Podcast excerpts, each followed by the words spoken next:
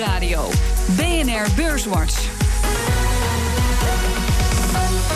Jelle Maasbach. Goed dat je luistert. Welkom bij Beurswatch, het enige beleggingsprogramma op de Nederlandse radio.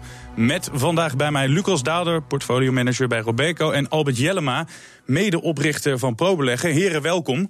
Hoe zijn jullie deze week doorgekomen? Want als er iets veel was deze week, dan was het dat cijferseizoen wel. Hebben jullie het een beetje kunnen verwerken allemaal? Ja, op zich wel. Uh, het is, uh, je zou zeggen, het is een beetje vakantietijd rustig, maar dat is absoluut niet zo. Uh, collega's zijn weg en dan krijg je ook nog al dat nieuws over je heen. Dus, ja, dit is voor een actieve belegger zoals mij is dit de week om van te smullen. Veel kwartaalcijfers. ja, dat is waarom ik dit werk met veel plezier doe. Dus beleggen is mijn passie en deze weken zijn fantastisch. Beurswatch duurt normaal gesproken een half uur. Ik heb de baas nog gevraagd, mogen we er een uur van maken? Helaas gaat dat niet gebeuren. We hebben genoeg te bespreken. Zo al die kwartaalcijfers. Maar eerst wil ik het met jullie hebben over toch wel de meest belangrijke baan in de financiële sector. Althans, dat is mijn mening. Die van Janet Yellen heb ik het dan over. De hoogste baas van de Fed. Ja, blijft maar onduidelijkheid of ze nu wel of niet mag gaan voor een tweede termijn. President Trump die laat doorschemeren dat ze kandidaat is. Maar met haar nog zeker vier anderen. Ja, Lucas, hoe pijnlijk is het dat er zoveel onduidelijkheid is over die belangrijke functie?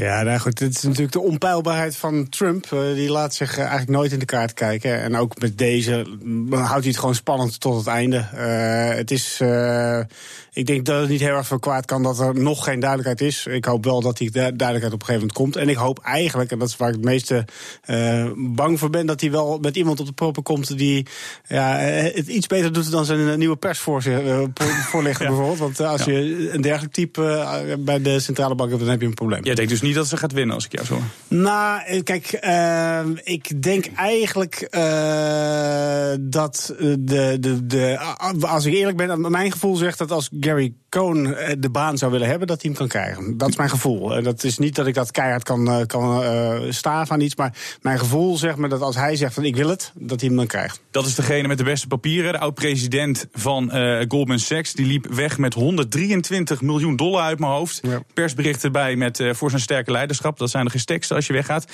Albert, is dat iemand die de Fed zou kunnen gaan leiden? Ja, hij staat op de lijst, dus dat is uh, zeker mogelijk. En uh, Trump heeft het natuurlijk ook over hem gehad. Dus dat is uh, zeker een, een mogelijkheid. ja, nu komt Yellen weer terug in de, in de discussie. ja, met Trump weet je het nooit. Het is elke week een nieuw fantastisch plan. Ja, over de president gesproken. Tijdens de verkiezingscampagne zei hij nog het volgende over Yellen. And believe me, the day Obama goes off and he leaves and he goes out to the golf course for the rest of his life to play golf, when they raise interest rates, you're going to see some very bad things happen because the Fed is not doing their job. The Fed is being more political than Secretary Clinton. Zijn grote vriendin Hillary Clinton kwam hier nog voorbij. Lucas, eh, als je haar langs de meetlat mag leggen, hoe heeft zij het gedaan? Is het terecht die kritiek uh, van Trump? Van, uh, Zo is er politiek bezig geweest? Ten aanzien van Yellen? Ja. Nee, ik denk dat Yellen op zich precies in de rol is gestapt zoals al haar voorgangers. dat ze zich redelijk op de vlakte gehouden heeft en zich echt wel gericht heeft op hetgeen waar ze zich op moest richten, namelijk het, het monetaire beleid. Uh, dus ik, ik, ik denk dat dat uh, uh, onterecht is. Maar goed, kijk, dat, dat is een beetje het punt met, met Trump. Je kan ook de statements toen hij nog kan, kandidaat was en nog geen president, had hij het erover dat die rente veel te laag was. Inmiddels hoor je hem zeggen dat hij he likes low interest rates very much. Dus hij vindt het heel erg aangenaam dat die rente juist laag blijft. Dus de man weet elke week weer een ander bericht de eter in te slingeren. Dus. Beetje out of the box gedacht. Hij heeft een minister die er toen nog zat van de regering Obama heeft hij er gelijk uitgeknikkerd. Een FBI-agent aan de kant gezet. En minister Sessions die ligt onder vuur. Wat als de nieuwe man of vrouw die op, bij de Fed zit... dat de president denkt, hey, daar ben ik het ook niet mee eens. Kan hij die zo wegkrijgen? Is dat een, een, een groot gevaar bijvoorbeeld voor de beurs... als zo'n Fed-president heel erg onder vuur eh, komt te liggen? Nou ja, wat wel het geval zal zijn, is dat uh, er werd natuurlijk nu gezegd toen nog door Jelle van dat ze relatively soon wil gaan beginnen met het, uh, met het afbouwen. Dus zij wil volgens, voor, mijn gevoel dan wel haar periode afsluiten. Uh, dat ze daar een stap mee heeft gemaakt. Dat zij toch de boeken ingaat als degene die daar het stadschot voor heeft gegeven. Ja, kijk, hoe onvoorspelbaarder een president wordt. stel dat hij inderdaad, wat jij zegt, ook gaat veranderen met dat er iemand zit die hij uiteindelijk toch weer niet goed vindt en dat zou gaan willen wijzigen. Ja, ons onzekerheid is niet iets wat beleggers op prijs stellen. Dus dit zullen ze dan ook niet kunnen waarderen. Volgens mij is het zo dat als je benoemd bent, dan, dan ben je benoemd voor de term. Dus, uh, je, dit dat was ook met de FBI. Uh, ja, nou, nee, maar goed, dat, dat, volgens mij ligt dat anders. In die zin, dit is een onafhankelijk instituut. Hè. De, Dat kan je zeggen van de FBI tot op zekere hoogte ook. Uh, maar volgens mij is het zo dat als je eenmaal benoemd bent, dat je dan inderdaad wel je, je, je, je periode uit mag zitten. Aan, afgelopen donderdag heb je ook gekeken naar het rentebesluit. Dat was ook nog wat er op het gebied van de Amerikaanse centrale bank naar buiten komt. Met of zonder Jellen. Ze gaan de balans afbouwen. Spoedig was dat woordje wat voorbij kwam. 4500 miljard dollar hebben ze inmiddels uh, op die balans staan. Uh, ja, wanneer kunnen we die afbouw verwachten volgens jou, Lucas? Ja, nou goed, kijk, ik denk dat het, het, echte moment is misschien niet zo heel belangrijk. In de eerste instantie gaan ze het heel geleidelijk doen. Hè? Dus heel langzaam, 10 miljard per, per maand zo'n beetje. dus het is echt niet dat het nou heel veel zal uitmaken. Dus of het nou in september al gaat gebeuren, waar, waar mensen het over hebben, of pas in december. ik vind dat eigenlijk niet zo heel belangrijk. Zou ik zeggen dat de markt daar niet zo heel erg wakker van zou moeten liggen. Oké, het maakt dus niet uit wanneer het gebeurt maar neem ons even mee. Hoe gaat die afbouw eruit zien en welke gevolgen gaat het hebben? Nou, dat is wel interessant. In die zin dat uh, je zou zeggen van god, we hebben eerst wat obligaties verkocht en uh, die lopen nu af. Dus uh, wat maakt het uit? Hè? ik, ik herinvesteer een gedeelte van dat geld wat, wat vrijvalt, herinvesteer ik niet meer. Dat is eigenlijk wat ze dan zeggen. de impact daarvan zal beperkt zijn. Ja, dat is één manier om het neer te zetten. Een andere manier, je kan ook zeggen. Uh, tot nu toe is er een grote financier geweest van het, uh, laten we zeggen, het, uh, de, overheid. en die grote financier die, die trekt zich langzaam maar zeker terug. Dus dat betekent dat de rest van de markt, dus de echte markt, niet zozeer, niet zozeer de, de Federal Reserve, maar de, de rest van de markt moet die extra obligaties gaan, gaan ja, absorberen. Dus het wordt ook wel eens een keertje zo neergezet dat het afbouwen van die balans te vergelijken valt met een oplopen van een, bijvoorbeeld een, een tekort op, op, de overheid. En dat, dat betekent wel dat het uh, een impact kan hebben op uh, met name de obligatiemarkt. Uiteraard. Ja, en dat is denk ik ook een, een, een dat jij met, met een schuin oog naar kijkt, Albert. Hoe, hoe, gaat dat volgens jou de komende tijd uitzien? Wat voor gevolgen gaat dat hebben? Ja, kijk, als het heel, heel, heel gestaag gaat gebeuren, dan zal de impact direct niet heel groot zijn. Maar uiteindelijk, als er de grootste koper van iets verdwijnt uit de markt en ook niet meer herinvesteert met zijn coupon ja, dan op een gegeven ogenblik, ja, eh, de markt bepaalt dan uh, wat hij wil uh, voor rentevergoeding die wil hebben. Dus uiteindelijk op de langere termijn zal dat, wat, denk ik, uiteindelijk resulteren in hogere rentevergoedingen. Ehm, in Amerika heb je natuurlijk al een oplopende rente gehad. Maar ja, hoe groter en sneller de afbouw zal gaan, des te groter zal de impact op de rente zijn. Maar wat zoals Lucas zegt, als het heel gestaag gaat en heel rustig gaat beginnen, ja, dan heeft de markt ook de tijd om het te absorberen. Ja, en dan komt er een nieuw evenwicht. En waar dat komt te liggen, ja, voor mijn gevoel in ieder geval wel, wel met wat hogere renteniveaus. Op zich is het dan wel knap om te zien dat deze aankondiging eh, relatief goed opgepakt is door die markt. Hè? Want uh, in, in 2013 was er sprake van dat ze dat, het opkoopprogramma zouden gaan afbouwen. Dus niet zozeer terugdraaien waar we het nu over hebben, maar gewoon stopzetten. Toen uh, was de obligatiemarkt in rep en roer.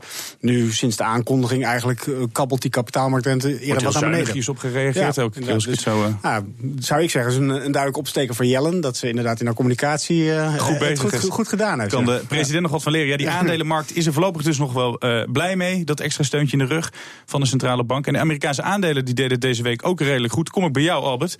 Welk Amerikaans bedrijf kwam met de beste cijfers ik zelf dacht Facebook. Dat, daar was ik mhm. echt stond ik versteld van. Maar ik ben benieuwd wat jij nou, uitgekozen? De makkelijkste om te zeggen wie met de slechtste kwam, dat was Snap. Maar uh, als we het dan hebben over de partij die met het beste kwam. Ja, als ik zie dat een Facebook een omzetgroei bereikt van 45% de netto winst stijgt met 70% Er zijn tegenwoordig 2 miljard gebruikers uh, van Facebook. Ja, uh, ja, het is wel uh, mind-boggling om te zien over hoe groot dat is geworden. als je mij dat had gevraagd toen ze naar de beurs gingen, dat dit zo'n ongelooflijk succes zou worden.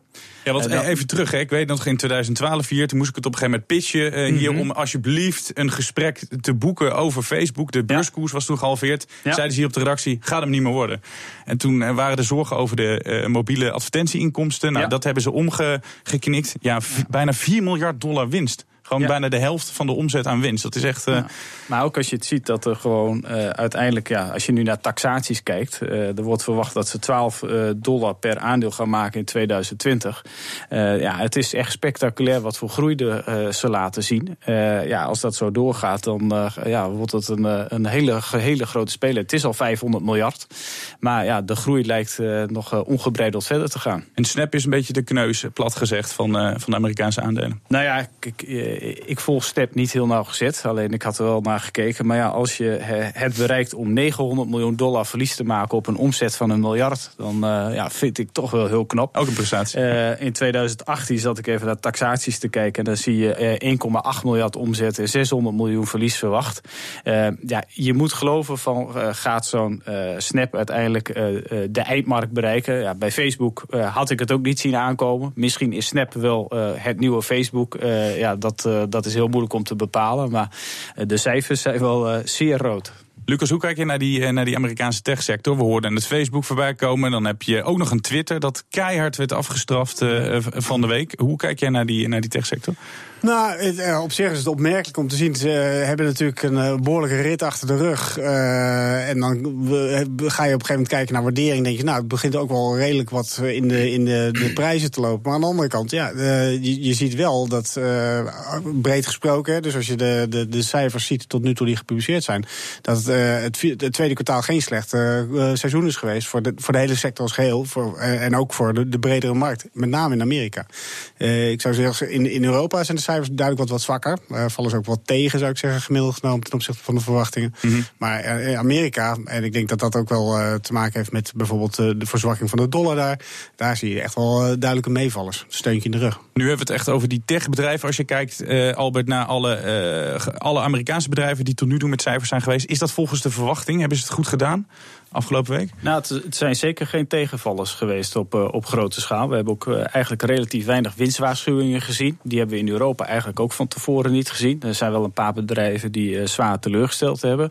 Maar uiteindelijk, ja, het cijferseizoen lijkt best wel goed te verlopen.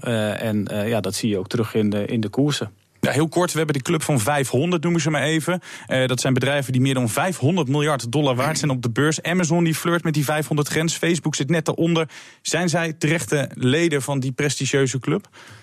Ja, het, eh, de markt eh, heeft altijd gelijk, zeggen ze. Dus ja, ze, ze zijn zo groot. Eh, kijk, zo'n Amazon, ja, ik, ik, ja, je zit daarna te kijken. En ja, winst doet niet ter zake bij het bedrijf. ze hebben zelfs tegenwoordig de Amazon Dev Index of zoiets gecreëerd. ja, het gaat dat bedrijf om omzet, omzet, omzet. ja, en de belegger gelooft heilig in dat daar heel veel winst uiteindelijk gemaakt kan worden. ja, je zit er wel met verbazing naar te kijken over ja, wat er gebeurt. Het is wel uh, ja, super interessant. Maar uh, ja, de, de, weg dat het gaat afleggen is moeilijk in te schatten. Maar hebben, ze, hebben ze ook echt plannen nog om ooit winst te gaan maken? Of willen ze gewoon altijd blijven groeien? Nou, ik heb het boek gelezen van de, de Everything Store. En dan krijg je het idee dat de bedoeling is om gewoon alles te domineren. Maar veel winst hoeft er niet te zijn. Oh, okay. DJ Martin Garrix die werd wereldberoemd met zijn hit Tsunami. Nou, beleggers kregen gisteren ook te maken met een tsunami. In dit geval een tsunami. Je hoort ze zo allemaal. BNR Nieuwsradio. BNR Beurswatch.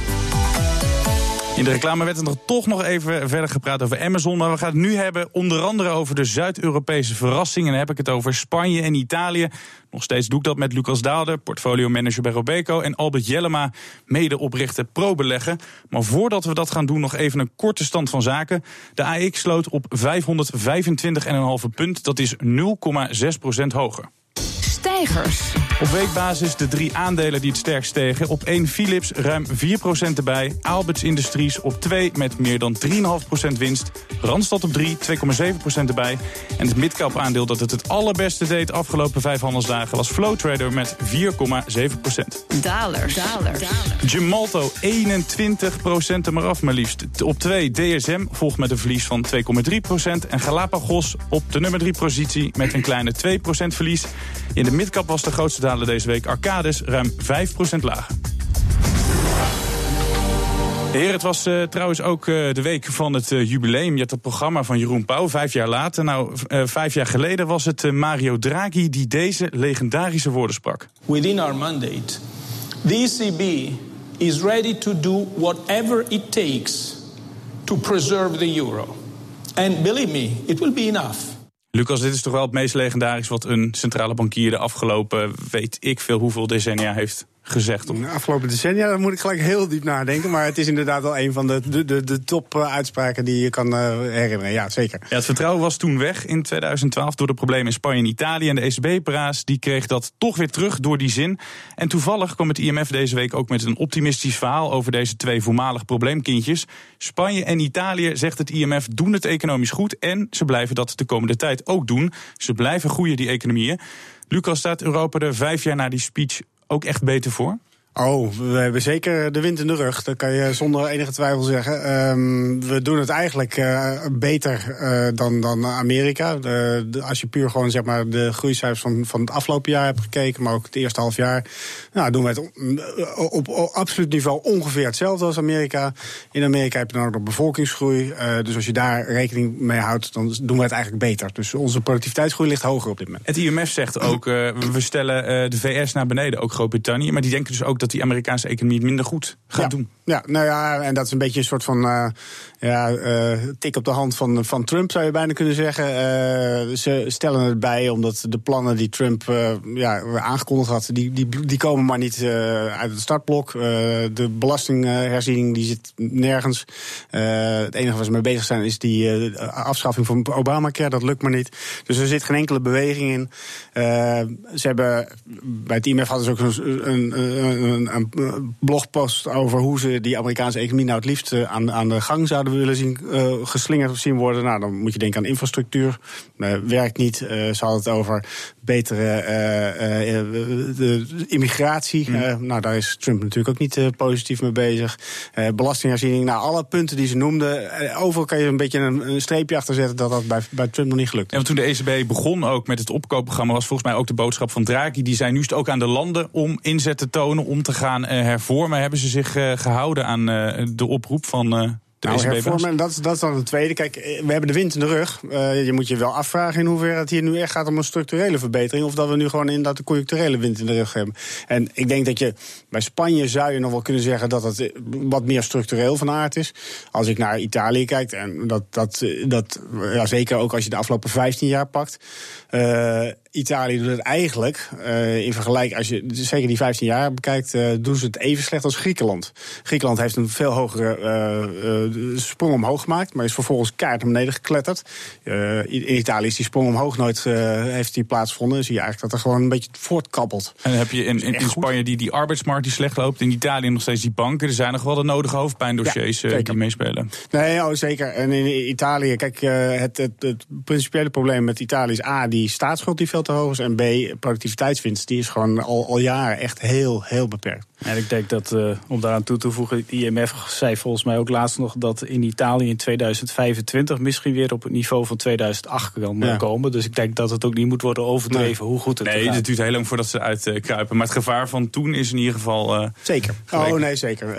Uh, dat, dat kan je zonder meer zeggen. Want als, als, als de Draghi dat inderdaad niet had gezegd, dan kan je er vanuit gegaan zijn dat op dat moment die kapitaalmarktrente in Italië en in Spanje alleen maar verder omhoog zou gaan. En dat zou fout gegaan zijn, ja. zeker. Porsche Bloemen naar het hoofdkantoor in Frankfurt. In eigen land ging het er deze week het meeste over Axo Nobel. Jawel, daar zijn ze weer. Dinsdag natuurlijk de kwartaalcijfers die tegenvielen. En de boodschap dat voorzitter Anthony Burgmans opstapte aan het einde van zijn termijn. En gisteren natuurlijk de rechtszaak tegen groot aandeelhouder Elliot. Ik moet zeggen, groot aandeelhouder Elliot die weer een rechtszaak aanspande. Lucas, je kijkt niet echt naar individuele bedrijven, maar meer het grotere plaatje. Maar toch is dit een soort van soap die je dan ja. zijdelings meekrijgt? Ja, zijdelings, een soap. En uh, het, wat, wat ik er vooral, uh, mijn gevoel erbij is dat ik heb sympathie met geen van de betrokken partijen. En dat, dat maakt dat is wel heel uh, bijzonder. Ja, dat je denkt van god, jeetje, als er nou eentje was waarvan je zegt van god, de, die arme CEO die wordt hier helemaal in een hoekje gezet. Maar ik, ik vind het, ja, nee, dat gevoel heb ik dus niet. En tegelijkertijd denk ik ook van god, zo'n activist eh, aandeelhouder, ja, de, de, stijl en de hardheid waarmee dat soms gaat, eh, ja, ja, erg Amerikaans, daar ben ik ook niet echt een fan van. Ja, ik zit er op zich wel iets anders in. Want uh, hoe, hoe dit hele proces is verlopen, dan, mm. dan denk ik wel van uh, ja, de aandeelhouders zijn wel echt geschoffeerd, vind ik zelf.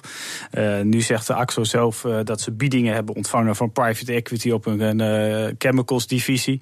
Ja, gaan die dan met zijde handschoentjes goed met het personeel om het beste te doen voor Nederland? Nou, die gaan er waarschijnlijk met een gestrekte benen in dan een PPG. Wordt de partij dus volgens mij KKR genoemd die niet bekend zijn om een. nee, daarom. Dus, het is, dus dat is gewoon bijzonder. En ja, kijk, die cijfers waren niet zo goed.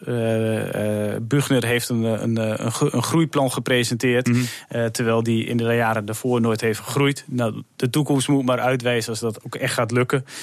de belofte ligt nu in de tweede helft van het jaar. Er moet een nieuwe CEO gaan komen. het is wel echt een zoop. waarbij ik AXO niet de schoonheidsprijs wil geven. Nou, daar zeg je het. In september de benoeming van de nieuwe topman. De opvolger van Bugner. Ja. En de directie die gaat uitleggen hoe ze de relatie met de aandeelhouder gaan verbeteren. Er komt een soort van commissie die uh, ja, zorgt dat ze beter door een deur kunnen. Het is een ja, beetje het is gewoon schone, schone schijn. Schone schijn, zeg ja. Ja, kijk, uh, bedrijven gaan elk jaar op roadshow bij beleggers. Die zien alle beleggers die een belang hebben. En dan gaan we nu eraan werken om de relatie te verbeteren. Ja, het is gewoon uh, echt een beetje voor de show om te laten zien dat wij, ja, wij maken ons zorgen over die aandeelhouder. En uh, we hebben een groeiplan. Ja, ik, ik zie het allemaal niet zo, zo mooi gebeuren. het is best wel bijzonder over hoe dit hele proces verloopt. Nee, kijk, normaal als je een slecht lopende relatie hebt, dan zeg je de groeten, ik ga weg. Alleen met zo'n Elliot, zo'n partij die bijna 10% van alle aandelen in de handen hebt, dan moet je toch wel zorgen dat, uh, ja, romantiek wil ik het niet noemen, moet je wel zorgen dat je nog wel goed met elkaar door één deur. Ja, je moet gewoon zakelijk met elkaar kunnen omgaan. En daarvoor moet je gewoon een goed gesprek kunnen hebben. Moet je ook openstaan voor de kritiek die je krijgt. En moet je niet je personeel met petjes op in de zaal gaan laten zitten. Andere AX-gigant die met de kwartaalcijfers kwam was Shell. De winst steeg fors in het tweede kwartaal. 245% erbij vergeleken met dezelfde periode vorig jaar. Moet ik er wel eerlijk bij zeggen dat dat vorig jaar wat minder allemaal was. En het dividend dat heilig is, dat bleef volgens de verwachting tenminste, Albert, was het ook goed? Was je tevreden met die cijfers? Ja, ik was zeker tevreden met die cijfers. En wat ik gewoon heel knap vind van Shell, is dat zij gewoon die downstream activiteiten, dat zij die switch maken van upstream, dus echt waar ze afhankelijk zijn van de olieprijs, veel meer naar raffinage eh, en gelieerde producten. En ja, dat ze daar keer op keer positief weten te verrassen. Eh, dat die efficiëntiemaatregelen die ze genomen hebben, dat die ook eh, zichtbaar worden. Dat je hele hoge vrije kaststromen hebben. Eh, de winst is hoger dan verwacht eh, hun desinvesteringsprogramma wat ze hebben okay, van 30 dit miljard. Is, dit is Hosanna. Is er ja. toch nog iets in die cijfers dat je zegt dat moeten ze beter doen? Bijvoorbeeld dat ze gewoon veel te veel dividend op het eerste ogenblik uitkeren. Nou, je, van, daar ben ik wel blij mee. Als je nu ziet over hoeveel ze afstoten, als je ziet wat de vrije kaststroomgeneratie is, ja, dan kijk, uiteindelijk hebben ze, en dat weet iedereen, er moet een keer een hogere prijs, of, uh, olieprijs komen voor Shell. Uh, dat is gewoon altijd goed. Uh, maar ik denk dat ze nu uitstekend bezig zijn. Dus van mijn zijde geen kritiek ik hoorde, in deze. Ik hoorde een collega wel mopperen dat de beurs niet echt zo enthousiast was als jij nee, het... nee, nee, ik zat ochtends te kijken dat de koers op een gegeven moment onveranderd was. Ja. uiteindelijk sloot hij voor mij nog wel een procentje in de plus. volgens mij is hij vandaag de, hoogste, de grootste stijger zelfs op de bus. Dus uh, mensen hebben, nou, hebben iets langer nodig om het te snappen. Ja. Hey, de, de grote roerganger van Shell, Ben van Beurden, die had op de Amerikaanse televisie nog een boodschap. Luister maar mee. Hij gaat voor duurzaam. Well, the next buy I do is my next car, which will be an electric vehicle. En dat wordt een Mercedes-Benz S500e om precies te zijn. Klein probleempje. Hij kan er 30 kilometer mee rijden. En dan moet hij toch weer over op de ouderwetse brandstof. Goed teken, Lucas, als de baas van zo'n olie- en gasgigant uh, dit zegt. Dat hij toch aan zijn duurzaamheid denkt. Nou, ik weet niet of dit het signaal is waar iedereen op zat te wachten. uh, het is meer uh, voor, de, voor de bühne, zou ik zeggen. Je had, ja, je, je zou zeggen van god, als bedrijf kan je ook wat meer fantasie in dat het groene gedachte stoppen. Maar. Serieuzere zaken over olie gesproken. Eerder liet Ecuador weten dat ze het olieakkoord gaan opzeggen. Dat is dat akkoord tussen de OPEC-landen en niet-leden, zoals bijvoorbeeld Rusland, over de beperking van de olieproductie. Nou, de gesprekken die gaan verder, maar de exit van Ecuador is het eerste scheurtje. Blijft dat olieakkoord staan, Lucas, denk jij? Nou, ik vind het moeizaam. Uh, je, je ziet het aan alles dat het kraakt en steunt. Uh, uh, er is inderdaad een akkoord gesloten om de zaak te stutten. Maar ja, je ziet natuurlijk toch ook dat op deze niveaus veel landen nog steeds niet echt rondkomen. Dus met name oliestaten die zien dat ze ja, te kort, te weinig inkomsten hebben. en die gaan dan toch een beetje morren en hopen dat er toch wat meer inkomsten op de komen. Zetten ze de pomp toch wel stiekem aan. Ja, en als er meer kikkers uit de kruiwagen gaan, wat gaan we dan, ja. We dan meemaken de komende? Nou ja, dat, dat is inderdaad spannend. Uh, kijk, zelfs als je alle kikkers in de, krui, uh, in de, in de kruiwagen houdt, ja. dan, dan is het nog steeds zo dat ze in Amerika natuurlijk goed bezig zijn met het investeren in nieuwe productie online krijgen. Dus zelfs als je het allemaal binnen de OPEC in één hand houdt, hou je het probleem dat er, dat er meer productie naar die markt komt. Dus ik denk dat je sowieso toch wel in de problemenfase komt. Ja, we komen uh, al bijna, het gaat snel als het gezellig is, aan het einde van de uitzending. Kijken we toch nog even naar een paar uh, bedrijven, Albert. Mm -hmm. Welke bedrijven vielen in eigen land nog meer op? Ik heb Air France KLM vandaag voorbij zien komen. Van de week eerder Philips en Randstad. Wat was jouw... Nou, wat echt opviel wat mij betreft uh, was Refresco. Uh, want wat je niet vaak ziet is dat Nederlandse bedrijven hele grote overnames aankondigen. En het bedrijf Refresco op de midcap is het 1,4 miljard waard. Dat kondigt een overname aan van de bottelactiviteiten van uh, Kot voor 1,1 miljard euro. Ja, dat is toch wel een keer een, een hele dappere ja, beweging van een Nederlandse onderneming. En ja, ik vind dat dat wel heel erg onderbelicht is gebleven deze week. heb je het specifiek over de cijfers? Ja, dan vallen natuurlijk aan de negatieve negatieve kant valt uh, Intertrust uh, op met een uh, min van 23 procent. Was dat te zwaar, die afstraffing? Ik vind het wel. Ik heb ze vandaag zelf uh, gekocht, dus dat zeg ik er gelijk bij. Uh, de, de taxaties voor het jaar worden met 5% naar beneden toe bijgesteld. Um, dat is de tweede winstwaarschuwing in zes maanden. Um, ja, het aandeel ja, krijgt eigenlijk een afstraffing, omdat bij de beursgang was beloofd: wij hebben hele hoge visibiliteit op onze winsten. Onze klanten blijven 10 tot 15 jaar voor hun trust betalen, et cetera. Ja, de praktijk blijkt nu wat weerbastiger. En uh, ja, beleggers zijn er uh, echt helemaal klaar mee. Ze getuigen de, de min 23% deze week. Ja, en dan hadden we ook nog Gemalto, dat is een digitaal beveiliger. Die is ook koning in winstwaarschuwingen, want het ja. was alweer de, de vijfde of de zesde in, in, in twee jaar tijd. Ja, die zijn uh, zelfs in staat om taxaties te geven en dan twee weken later een winstwaarschuwing. Dus dat, maar zit er iemand die niet goed kan, zit er een financiële man die gewoon totaal niet weet wat hij aan het doen is? Of, of waar, hoe denk je dat het komt? Nou ja, ik, als je dit proces volgt, dan denk je dat deze mensen compleet geen grip hebben op, op wat er in hun eindmarkten gebeurt. Want als jij een taxatie afgeeft, dat was volgens mij maat. En dan twee weken later zegt, we gaan het niet halen. Uh, ja, nu uh, wederom niet halen. Ja, bizar.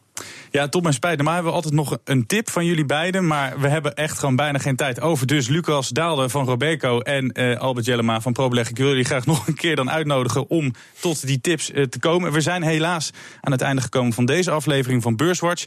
Ik dank dus mijn gasten van vandaag. Volgende week is er weer een Beurswatch. Deze uitzending kunt u naluisteren op de website van BNR of via die vernieuwde BNR-app. Heeft u nog vragen, dan kunt u een tweet sturen naar mij, Maasbach of BNR. Dank voor het luisteren en tot volgende keer. Hoi!